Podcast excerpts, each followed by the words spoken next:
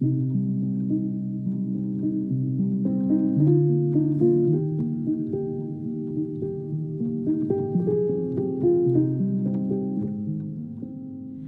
ég heiti Elsa Zung Ínudóttir, uh, Elsa nafnið, ég veit ekki hvað það þýðir, en Zung er sagt, það þýðir að rugga. Sko í raunum veru er ég bara mikki. Ég heiti Hóp Knútsson og, og nafnið mér þýðir von. Ég heiti Brynja Darja Sorman og Darja þýðir sjór. Ég heiti Daði. Það er eiginlega ekki vist hvað daði þýður sem er svolítið skemmtilegt að maður getur bara ímynda sér að, að það sé eitthvað fallend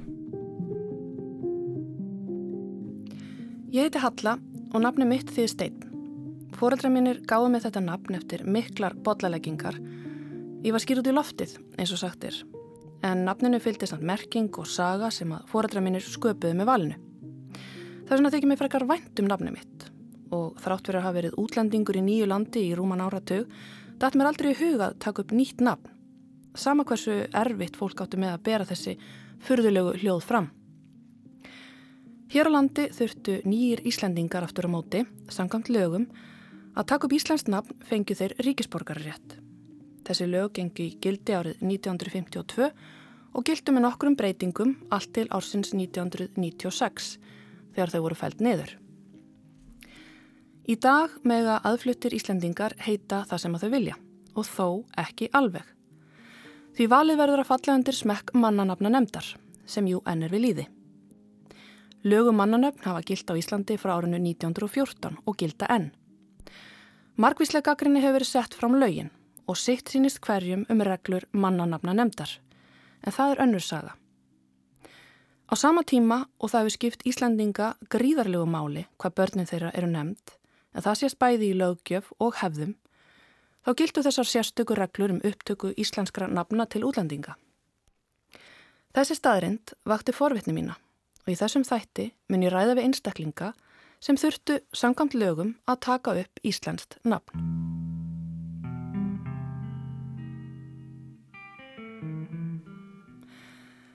Sinfoníu hljómsveit Ísland hefur frá upphafi verið suðupottur ólíkra menningar heima og tónlistarfólkið sem hana hefur skipað svo sannlega auðgað lífið hér í norður Allandshafi.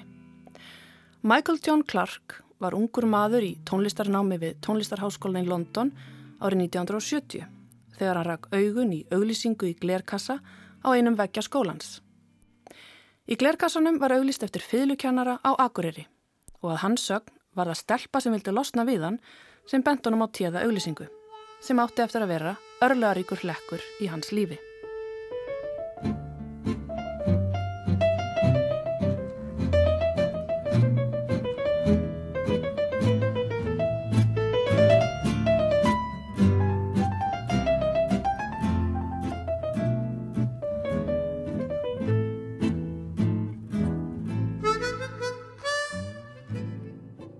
Kannski var það ævintýra þráinn hjá mér og, og svona þetta var bísna og þægilegt, ég vissi ekki hverju ég væri að fara og, og ég, ég fekk herbyggi langt, langt út í þorpi og, og hérna þetta var náttúrulega, ég var nú alltaf mjög mikið fyrir snjó og vetur og svona í Breitlandi þannig ég fekk minn skamt en þetta var erfitt, mjög mikið öðru í sig.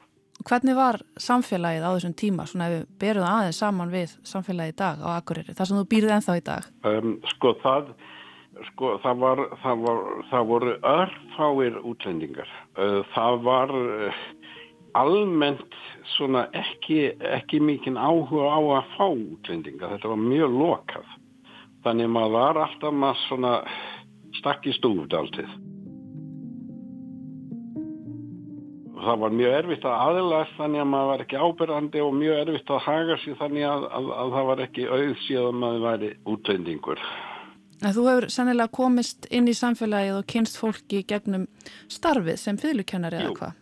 Jú, sem, eh, og það var náttúrulega mjög vel tekið á mótið mér í tónlistaskólanum ekkert og, og líka fóriðra og ég hérna eh, sko ennþá nefndu frá þessum tíma sem er í, í symfóninni. En þú sést að þegar þú stýgur hér á land þá berður nafnið Michael, en, en það áttu eftir að breytast. Já, þetta aftur breytast, það er náttúrulega svolítið skítið þegar fóreldrarnir mínir höfðu sko dáltið óvenjulegna og uh, eiginlega fannst það mjög erfitt sem krakka, svona, það gert grínaðum og svona og, og hérna þau ákvæðu að hafa sko að, að ég skildi fá bara svona venjulegt ensnafn og hérna völdu Michael John og þau eins og ég segi voru með pappi hér Edwin og, og mamma Audrey og þetta voru svona Audrey Olive og þetta voru svona hægt að gera grína því. Það, svo kem ég náttúrulega hingað og þá kann enginn að stafa hérna þegar ég sagði Michael og, uh, uh, og enginn sko eiginlega heldur John, veist. Þannig að það var svona, það var, þá er ég allt einu komið með skrítið og erfitt nafn sko þessar reglu voru í gildi hérna þegar ég var ráðin að ég þurfti alltaf sækjum starfið á hverju ári. Og þá voru reglurna þannig þetta var svolítið fasist að hérna uh, þú, þú þurfti alltaf að býða eftir hvort það var, finnist einhver sko, einhver innfættan til þess að gegna starfið á þú fengi starfið endur nýja þannig að þú varst kannski býðandi fram á hausti til þess að vita hvort þú fengi endur áningu. Svona voru lögin og uh, það, það voru einhverju mittli Skandinavíu regli í gangi þannig að, að, að maður sem kom á sama tíma frá Noregi hann, hann þurfti ekki að gangi gegnum, þetta. Eins venjulega og nafnið Michael John hljómar í Englandi þá var nafnið til vandrað á Akureyri 8. áratugurins.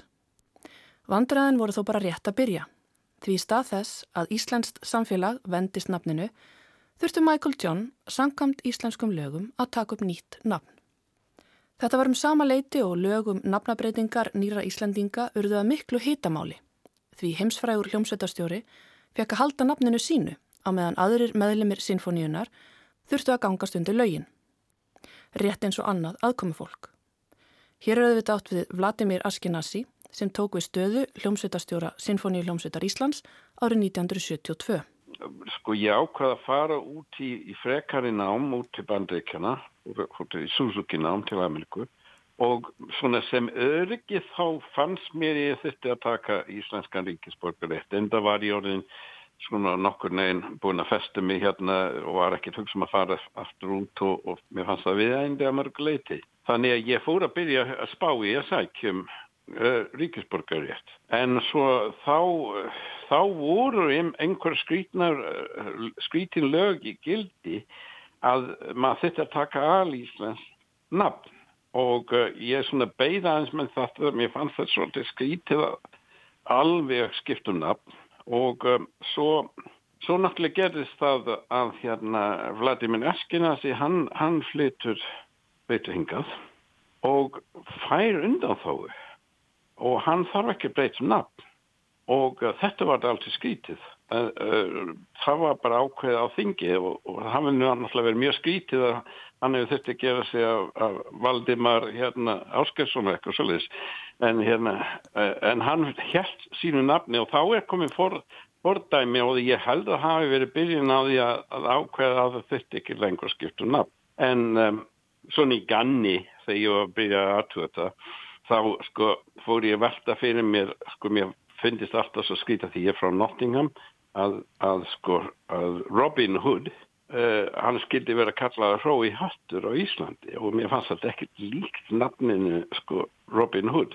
Svo mér dætti í huga að fara að, að sækjum að mig að vera uh, Robin Hood sem sem Rói Hattur en hérna en sko, sko í, í millitíðinni þá, þá voru, var, var gerð breyting á þessum reglum sem ég bara sótti um að vera sem sagt áfram uh, mitt nafn. Þó náttúrulega ég er honin vanu því að fólki kalla mig ímislegt ímis uh, Mikael eða, eða Mikael. Og mér fannst ekkert að því þetta svo sveipa nafn og, og svo leiðis en, en, en Michael John Clark og uh, sko þetta ég fekk þetta samþygt og hérna og vegabrið og allt, allt þannig sko. Þannig að það var bara mjög gott.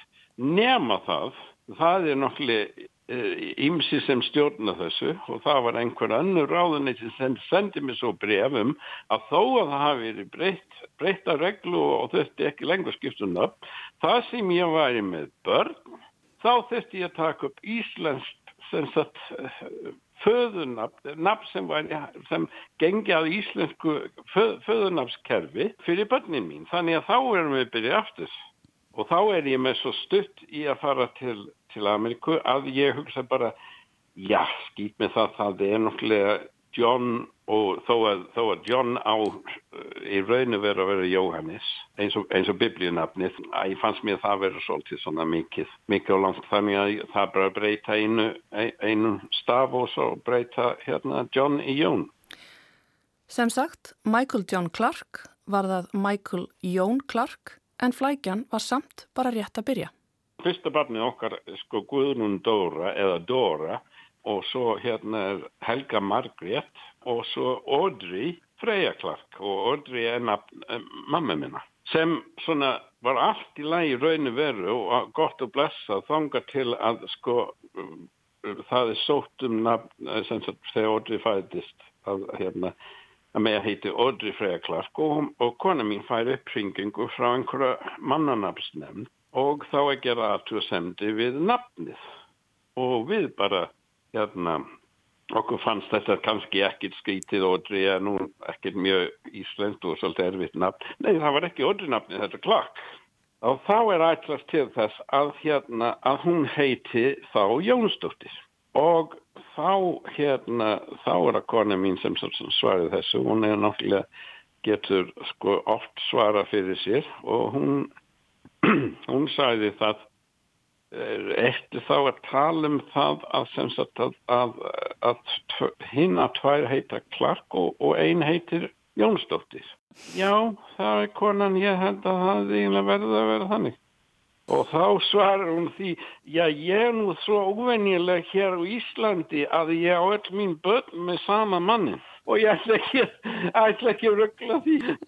Og konan sagði, já þú ert ó, mjög ósátt við þetta, heyri ég. Já, sagði hún, svo við ekki heilt með.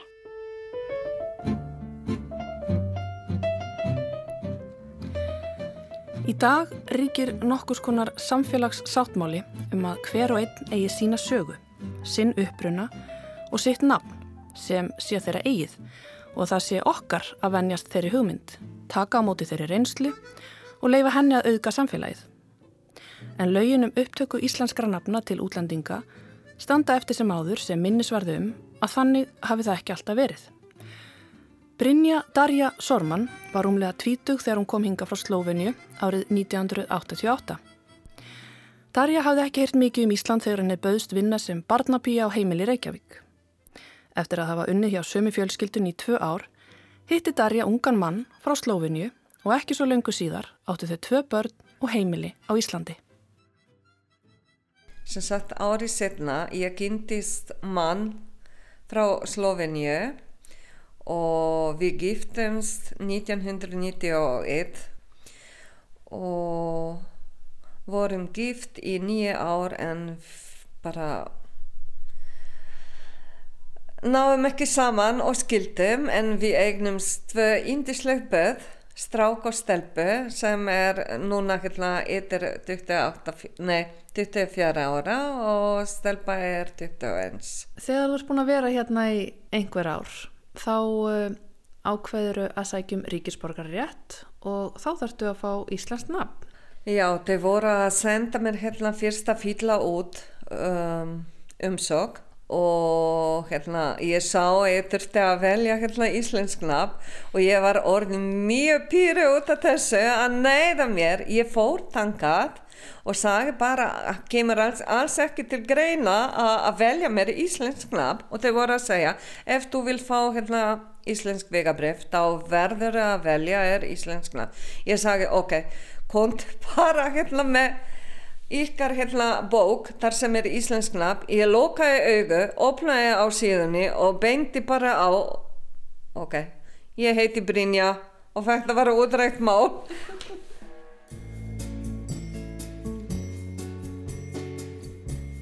Þú hefði sérst aldrei notað Brynju nafnið síðan? Nei, aldrei en hérna þegar er undirskrift á skrifa ég hérna Brynja Darja Sorman annars ég bara eins og hérna allir að dekja mig bara dörje allir vinnir mínir líka í vinnunni og bara allir Hvað fannst svona fólkin í kringum þig um þessar reglur? Fannst fleiri með þér þetta Ég vera daldi sagði- fyndið?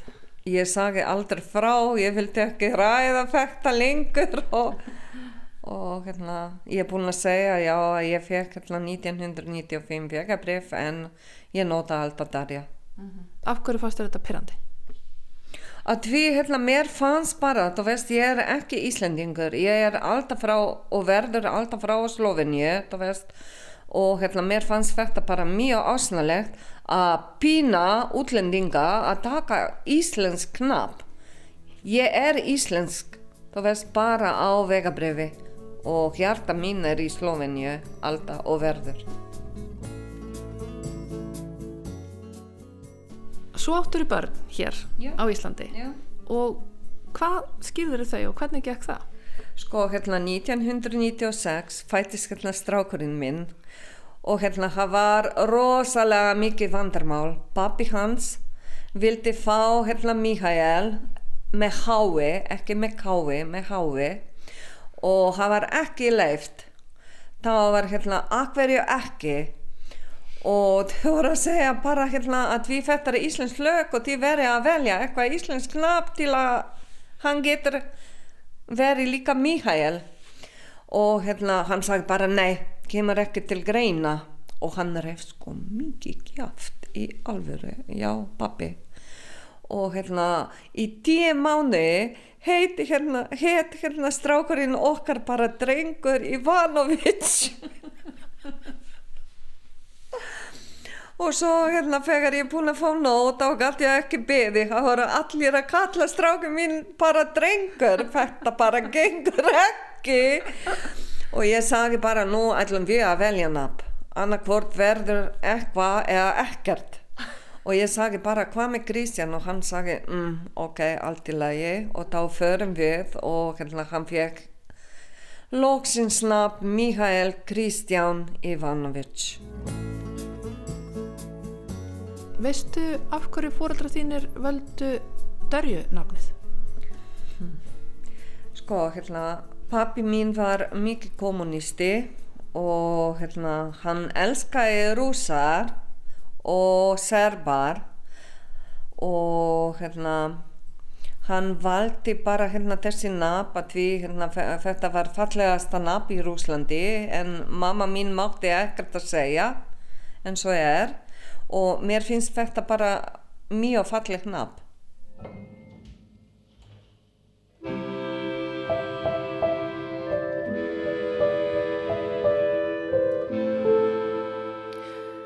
Það er alls ekki svo að allir nýjir Íslendingar hafi ekki viljað Íslands nafn.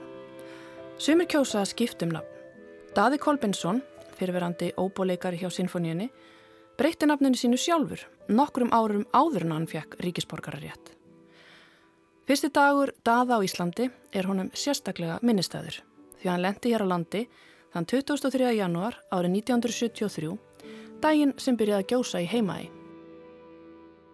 Þegar ég kom til landsins þá hétt ég Duncan Campbell og einhvern veginn fannst mér ef ég vildi vera íslenskri að þá vildi ég taka upp íslensk nafn sem er kannski ekki svo venjulegt, flestur vilja halda í hana, fyrir nafni en eh, svona eftir 5-6 ára þá byrjaði að nota íslensku nafni. Daði Kolbensson í tónleikaskrám og baðið um að allir myndi kalla mig Daði. Og það gekk nokkuð vel. En ég var áfram hennar breska ríkisborgari. Það, tekur tíu ári að vera Íslandingar og svo það var svolítið skemmtilegt að þegar ég fekk íslensku ríkisborgari rétt þá þurfti ég að sækja um leifi til að nota nafnið sem ég hefði verið að nota í hérna, þó nokkur ár. En ég fekk leifið og ég mann að þegar ég heyrði í, ég voru á ferð með symfóninni í mæ 84 og við vorum að keira frá Húsavík til Siglifjörður og klukkan fjór kvætti bílstjórn á frettunum og þá kom í frettunum að það voru 29 nýjir Íslandingar og einn voru frá Skotlandi þá fekk ég að vita að ég voru orðan Íslandingur og, og þá gætt enginn neytið að kalla mig hérna, daði. En hvernig valdur þetta nafn, sérstaklega af hverju daði? Ég leitiði að nafni sem byrjaði á D vegna þess að Duncan byrjaði á D og mér fannst það einfaldur að hafa D nafni og svo er Didrik og Dovri og Dúi og Davíð en það passaði ekki fyrir mig. Og svo hitti ég bonda í Flóslið sem heitur Daði og, og svo var einn annar ungar strákur sem ég hitti sem heitur Daði og, og, og mér fannst þetta fallit ná en það, það vildi svo til að ég fór í Flóslið í jarðaför fyrir fimm árum. Og í erfiðdökki þá spurði ég fólkið hvort þessi bondi var í einhver staðar stattur í, í salnum. Og svo jú, jú, jú, hann er þarna. Svo ég, ég fór á á hann og hann segi, ná, er þetta þú? Þú maðurinn sem stál nafni mínu.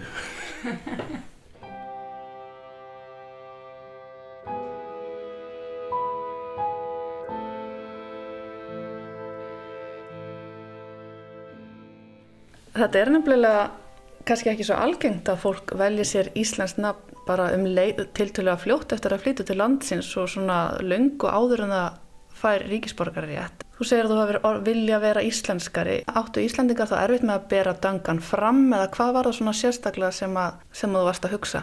Allir ég hef ekki verið svolítið nörd vilja vilja lesa íslensku lesa, ég byrjiði kerfismundin að lesa Allan Lagsnes og Þorberg og, og, og vera, reyna að passa inn í, í, í íslensku umhverfi og, og hafa gaman af því. Ég sá stundum aðra sem hafði flust landsins og eiginlega passaði ekkert inn í íslensku umhverfi. voru bara að vinna hér og áttu kannski fjölsköldu en uh, samt gæti ekki þetta fólk alltaf erfitt að, að eiginlega að fá allt sem eru hægt að njóta á Íslandi. Það hægt að vísu að ganga á fjallan þess að tala íslensku en, en það er erfitt, erfiður að ef maður lesa ekki blöðun og, og, og ekki, get ekki lesið bækur og get ekki hérna, skilið brandara. Já, svo sannan er þetta öðruvísi. Ég mann þegar ég gekk á SU í fyrsta skipti þá heitti ég tvo Dani á toppnum. Og þetta voru einu fólkið sem voru á SU svo maður gæti eiginlega ekki keift ganguskó þá voru hérna vinnuskór sem voru eða gummistífjörn sem menn nóttiði til að ganga á fjall. Og svo voru svo miklu færi bíla og já þjóðfélagi var miklu hægfarari. Þá eru fáir útlendingar. Þá er, ef maður hittir mann út í búð þá er allir, allir voru íslendingar. En nú er það sko, sannlega breyta tíma en, en, en skemmtilegar og, og, og fjórbeitunar í tíman Heldur að hafa verið erfiðara á þessum tíma að bera erlend nafn heldur en það er í dag? Já, ég held það ég held það, en ég veði að að ég sko, fann andri fyrir að það var einhver fordómur og, og, og gæt gengið inn í banka eins og Íslandingar og, og með hérna, víksaliðiblað og ég man að ég, fyrsta skipti sem ég gerði þetta, ég bæst, þá bæst ég til að reyna að finna Íslanding til að skrifa upp á víksalinn og bankasjóri spurði, nú, er þetta eitthvað ótryggt? Þú getur bara fengið hvert sem er til að gera það. Svo það, það mér fannst þetta þessur að ég var einlega, þótt ég var útlendinga ég var viðurkendur hér strax og, og þarna, það var ekki þarna, það var ekki mínus að vera útlendingar Og veistu af hverju fóðaldra þínir völdu þetta nafn fyrir þig? Ég, mig grunnar að það nafni verið valið vegna þess að afi minn hér, hann er Duncan og hann er mikið svirtu maður og, og, og, en nafnið sjálft því því held ég að vera stríðsmaður, dagkhærður stríðsmaður. Kannski hefur verið einhver áhrif á að ég vildi skipta um nafn þannig að ég er ekki mikið stríðsmaður og ekki mjög dagkhærður heldur. En Campbell ættarnafnið það þýðir að vera skakkmyndur. Og þegar ég fór að kanna þetta aðeins betur þá kom ég nú að setja úr gelisku og þá þýðir að vera skakkmyndur það þýðir líka að vera líin og svo þá eru tvær góður aðstæður til, til að sleppa hann fyrir nafni. Pappi hérna, hétt Colin og þá uh, vildi ég nafn sem er hérna, eins og Colin og mér var sagt Colbeinn og Colin, jújú, þetta er einlega einn saman nafni.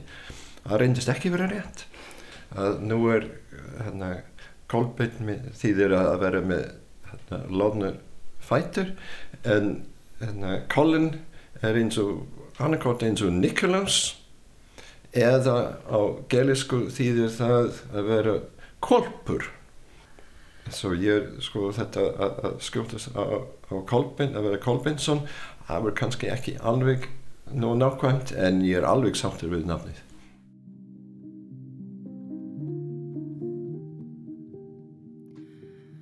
Þann 28. júni árið 1990 kom Elsa Zung Ínudóttir hinga til lands á samt foreldurum sínum, þremur bræðurum og 24 öðrum flótamönnum. Þremur árum áður hafði fjölskylda Elsu flúið Sára Fátækt, silt yfir hafið frá Vietnám til Hongkong á samt 40 öðrum flótamönnum. Elsa var þryggja ára þegar fjölskylda hennar setti stað í flótamannabúðum í Hongkong og þar bygguðu þau þrjú ár, eða allt þar til að þeim böðst að flytja með aðstóð Rauðakrossins til Íslands. Við komuna til Íslands gekk sjálfbúðaliði hjá Rauðakrossinum Elsu og sískinum hennar í ömmu stað og hún hjálpaði fóraldurum hennar að velja nýnöfn á alla fjölskylduna. Elsa var sex ára gömul og hún á sterkar minningar frá fyrstu dögunum hér á landi. Þetta var náttúrulega svolítið svona skríti tilfinning út í því að náttúrulega við höfum aldrei vita, höfum aldrei heyrt um hvernig þessi pínulíti eiga við vissum ekkert eða allar fólkdur myndi vissi ekkert neitt um Ísland. Og ég man bara þegar sagt, mamma og pappi minn sögðu mig þegar ég komið til Íslands þá voru í rauninu bara þau voru í sjokki. Og þarna þegar vorum að leiðin í Keflavík í bæ og það voru bara raunar og grjót og þarna greið mamma mín rosalega mikið og vildi snúa tilbaka. En það er 30 ár liðin og við erum alveg ótrúlega þakklátt bara ótrúlega þakklátt og mjög ána og hefum það rosalega gott hérna heima. Fyrsta minningi sem ég man þegar ég tók með æs þá tímubili, ég man ekki hvað flugfélag var það en ég man bara ég fjekk einhverju mat hérna upp á flugjulinni og ég man bara, ég sá bara rækjur. Þetta voru svona rækjusalótið með brauð og sliðis og jú, jú, mín ákveði að borða þetta. Og ég ældi alveg rosalega mikið, ég ældi sagt, í teppinu var svo hrætt setti þessi teppin allir saman og setti undir sæti og greitt og leti ekki neitt vita. En mín upplifun þegar ég kom til Ísland þá var þannig að það voru alveg rosalega mikið fólk sem tók á móti okkur. Allir fóru á samrútu og þar kerðu við frá í hérna, Keflaug hótelið. Ég man það. Allir krakkarnir fengu dót. Ég man bara að ég fekk að það kom með svartan ruslaboka, en svona stóra svarta og þar fengu allir krakkarnir að taka upp á bókunum þar fekk ég barbidúka bíl og það var mín fyrstu upplif alveg frábært, ég vissi ekkert hvað það væri. Ekki neitt en samt var ég rosalega ánæð en mín upplifin að koma til Ísland var ég man ekki droslega mikið nema þessi upplifin þegar ég byrjaði í skóla um, dagmömmu ég hétt T. Zung og í Vietnám þá var það þannig að þegar kvennkinn eru alltaf með T og kallkinn er alltaf með van. Uh, mitt nafn er Zung en þegar ég kom sassa til Ísland að þá var okkur gefið nafn. Og ef ég mann það rétt þá var hún amma mín Guðurleg Hallbjörn Björnsdóttir sem gaf okkur nafn út af því að við þurftum að, sagt, að fá nafn út af skóla.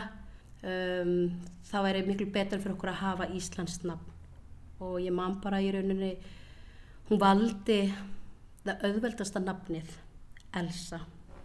Uh, ég hétt Elsa bróminn Jens, Einar, Níls, Ína og Tómas. Og svo yngsti strákurinn sem bróði okkur sem að fæti 95 hann hétt Sæfar og hún gaf líka nafn. Og þetta er í rauninni sko okkur fannst alveg mjög skrítið að mér, mér fannst mjög skrítið að heita Elsa út af því að mér fannst enginn hérna í kringum hétt Elsa. Mér fannst þetta ekkert fallet nafn.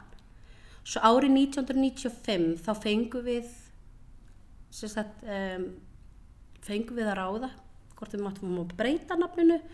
Jú, fólktum við breyttu sagt, við tókum út tí og tókum út van þá hétt ég Elsa Zung ekki Elsa T.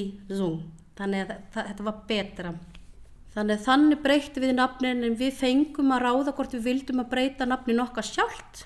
Mér fannst eins og ég að segja Elsa ekkert fallegt og svo ákveð, mér, mér fannst Rósa rosalega fallegt nafn og mér langar að breyta nafninu Rósa en svo endur mig þá fór ég að hugsaði hvað er ég að segja við krökkunum í grunnskólanum. Allir búin að kalla mig Elsa og svo alltinu fer ég í skólan og segja herði nei ég er búin að breyta nafnum mitt, ég heiti Rósa. Mér fannst það alveg rosalega bjánalegt. Þannig ég ákveði að halda við nafni mínu en ég er mjög þakklátt í dag. Ég er mjög ánum með nafni Elsa og ég fann að heyra náttúrulega fullt af fólki sem heitir náttúrulega líka Elsa. Þannig að bara frábært. En hvernig er þetta innan fjölskyldunar? Hvernig notið þið nöfnin í dag? Notið þið eitthvað gamlega nöfnin ekkar? Uppálega nöfnin? Sko, fóraldra mínir kalla mig Elsa. Við sískinu mínu kalla mig líka Elsa. Uh, ég held sko að við nótum bara nafnin sem er hér heima sem sagt íslensku nafnin þetta er það sem við í rauninni erum upp alin nafnin okkar út í menningin veist, við erum í skólakerfi, við erum hérna með íslensku menningin og það er bara í rauninni einhvern veginn okkur fannst einhvern veginn skilda að kalla nafnin okkar veist, íslensk nafn mm -hmm. og það hefur ekki neitt bja hérna, hefur ekkert neitt veist, áhrif á mig, hvorki mömmu eða pappa og til dæmis þess að núna út í Vietnám þá kalliði okkur líka með íslensku nöfnum e, frænka mín sem er hérna, býr hér á Íslandi hún kalla mig í hérna, Vietnámsnafn En hvernig er þetta hjá eldri kynnslóðinni? Kalla fóreldraðinir nota þau íslensku nöfnin líka? Nei, fóreldur mín nota ekki íslensku nöfnin ekki fyrir þau sjálfan sko. En fyrir okkur þá kalliði allt, allt okkur með íslensk nöfn. En þegar, sagt, þegar við hittum stó, svona stóru hópi þá er talið sko eins og við krakkarni hvort þessi frængu frændur og allt svolítið sem eru í yngri kynnslóðin jafn aldru og ég og mína bræður þá noti við orðin svona miklu meira virðing út í því að með því að kalla Ína eða Tómas þá er þetta einhvern veginn svona Ég veit ég reyna ekkert hvernig á ég að lýsa þessu en til dæmis í Vietnám þá er það þannig að þú berð virðing fyrir sagt, eldri fólk og þá kallaði mig veist, eins og ba veist, eins og miss og mm -hmm. veist, svona, já, það er rúslega erfitt að lýsa þessu en það meira svona virðing hvernig við kallum þegar við komum okkur allir saman bara til þess að barnabönnum fá að heyra við meðjum ekki missa þessi rætur þessi virðingarætur Uh, við þurfum alltaf að bera virðing fyrir eldra fólk, ömur afar, svo kemur fóröldar okkar, svo kemur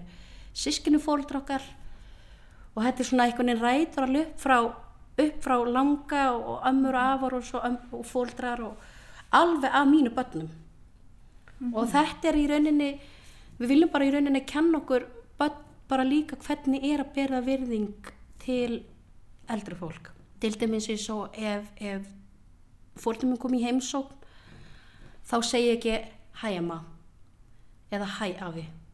Og það þarf alltaf að vera þú veist tjá tjá ba tjá tjá ong. Það er amma og afi en þau segja þetta svona barn og barni segja halló eða veist, hæ. Veist, eins og að sitja hendurna saman og segja hæ, veist.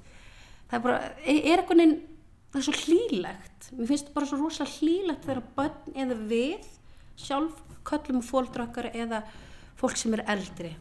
Það er eitthvað neginn svona tengist þetta tengist miklu meira svona fjölskyldur. Já, Þannig að það fælst ákveðin virðing í því að nota vietnamska nafnið. já, já. Við gerum það nafnilega út af því að þetta er, þetta er í rauninu okkar grunnnafn sem er ekki mikið notað sem sagt, þegar við erum inn á íslensku menningin uh, kringum vinn okkar og í kringum jafnaldri eða í kringum börnin okkar að þá notum við svist, meira íslensku nöfnin en þegar við erum í kringum eins og við erum í matabóði sem er bara okkar sagt, fjölskyldu þá notum við rosalega mikið á vietnamsku nöfnum Hvað skýrður börnin þín? Herðu, ég á einn eldri strákur, þarna var ég ekki komið lengra heldur en bara hugsun að skýra batum mitt Aron Ingi, alveg Íslands nafn.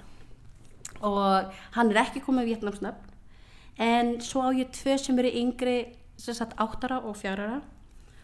Eitt heitir Gabriele, hann heitir, hérna litla stelpan heitir, hún er fjárara. Og hún heitir Natasja Baungok.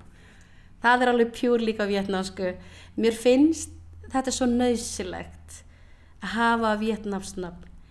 En ég var ekki búin að finna með eldri strákin. Ég ætla að leifa honum, ég ætla að býða. Ég ætla að vona að það er hægt að breyta því líka.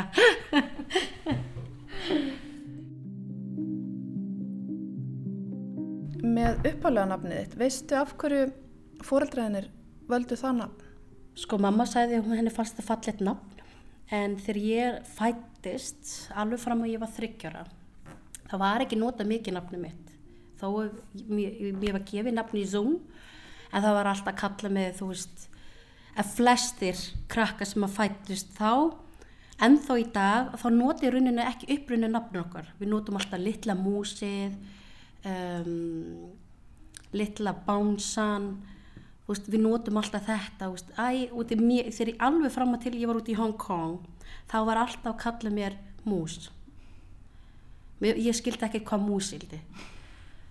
Og svo fatti ég veist, að, að mús væri bara mús. Ég vissi ekki hvað mús væri, en ég fekk nafnin mús og ennþá í dag kalla mamma stundum með mús.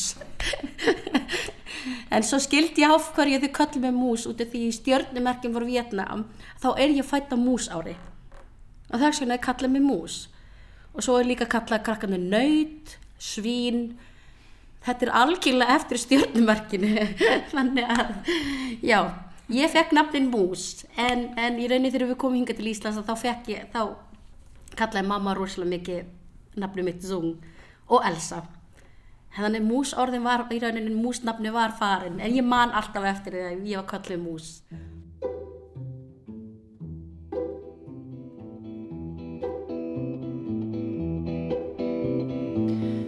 Já, það geta verið ótæljandi ástæðar fyrir því að fólk flytur í nýtt land. Stundum er það ævindir að þráin eða leita starfi sem að dregur fólk á nýjar slóðir, eins og í tilfelli Mikka, Daða og Dörju. Nú eða neyðin, líkt og í tilfelli Elsu. Og stundum er það ástinn og vottur af pólitískri sannfaringu. Hóp Knútsdóttir flutti hingað til að starfa sem yðjúþjálfi en stopnaði nokkrum árum síðar síðmynd. Hún var vissum að Ísland væri hennar staður eftir að hafa millilent hér á landi í sólaring á leiðsynni til Evrópu frá New York. Ég kom til Íslands, ég flutti til Íslands árið 1974 aðalega til að stofna námsbröð í yðjúþjálfun, ég er yðjúþjálfi og mér fannst mjög óþægilegt að búa áfram í bandaríkinu mér frá New York borg og ég var að nota alltaf frítíman mín í að mótmæla uh, stríðið í Vietnam, léleg heilbriðistjónustu og um, kjarnorkuver og ég bara, ég hataði að skattpenningar mínar voru að fara í í stríðs og, og að búa til stríðstól og, og þjálfa fólk til að drepa. Ég vildi ekki taka þátt í svona þjóðfélag og ég átti leið til Evrópur 1969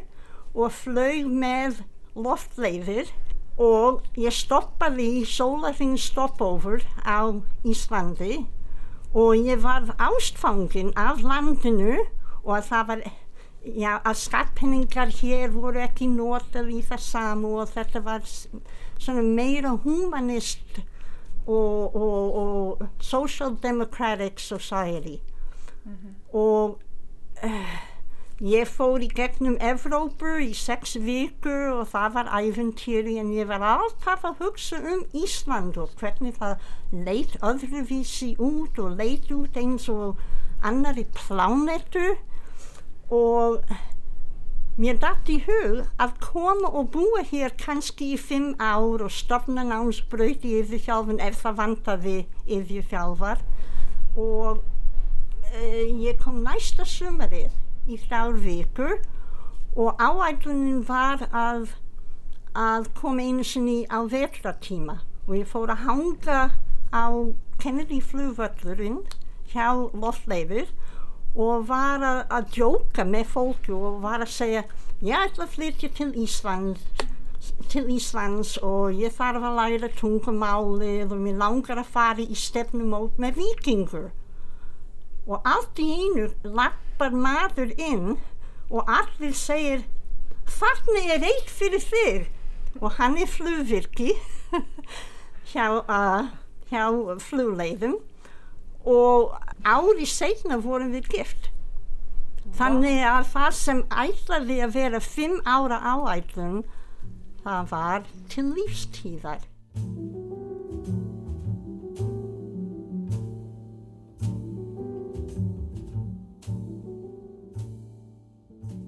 Eftir tíu ár gerðist ég, tíu ár á Íslandi, gerðist ég íslensku ríkisborgari árið 1984 og ég fekk freka fáranleg samskipti við náunga hjá ráðuneytinu. Og ég vissi að lögunum hefði verið breytt og það þurfti ekki nema Íslands millinat en þessi náungi hann vildi plata mig og til að breyta nafnin, nafninu mínu. Og bæði hóp og Knútsson. Og hann saði þú mátt ekki heita hóp. Og ég spurði hvað með von? Og hann saði nei, nei, nei von er ekki mannanafn það er nafn skips. Og ég hló og ég spurði hvað þá? Og hann saði þú mátt heita Ósk en Ósk og von er ekki það sama. Og á þessum tímapunkti bað ég hann ég bað hann um að sína mér hvar í lögurum það stóð að ég þurfti að breyta eiginnafni og föðurnafni og hann gaf það ekki. Samkvæm þjóðskrá núna heiti ég Hóp Nanna Knútsson. En ég hef aldrei og mun aldrei nota nönnu nafni þrátt fyrir að mér finnst það falleg nafn. Því því nafnfólks er stór hluti af sjálfsmynd og sérstaklega fullorðins fólks. Ég var þrítug þegar ég kom hingað ég var færtug þá og ég var orðin þekkt í mínu fag sem Hóp Knútsson. Og ég vildi ekki vera Ósk Jakobsdóttir. En segðu mér Hóp, af hverju valdur þú nönnunafnið? Uh, Millinafni mitt er Nancy. Og þessi náungi, hann held að Nanna komst næst því Þannig að það var maðurinn á skrifstofunni bara sem bentið þér á þetta nafn? Já, já. Ok. Já.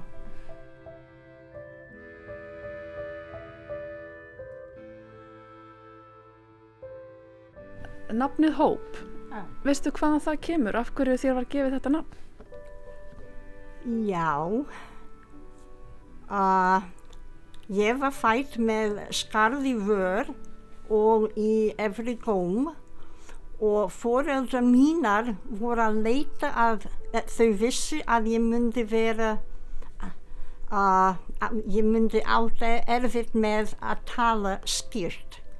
Og það eru ákveðnar hljóð sem uh, svona börn get ekki borið fram áður en þau fari í talþjálfun. En nafnið hóp uppfyllti það sem þau vissu að ég myndi geta sagt sjálf. Mm -hmm. og mér finnst líka það er auka atriði að nafnfólks hjálpar að móta móta sjálfsmynd og, og uh, persónuleiki. Og ég hef alltaf verið mjög hópfull mannesku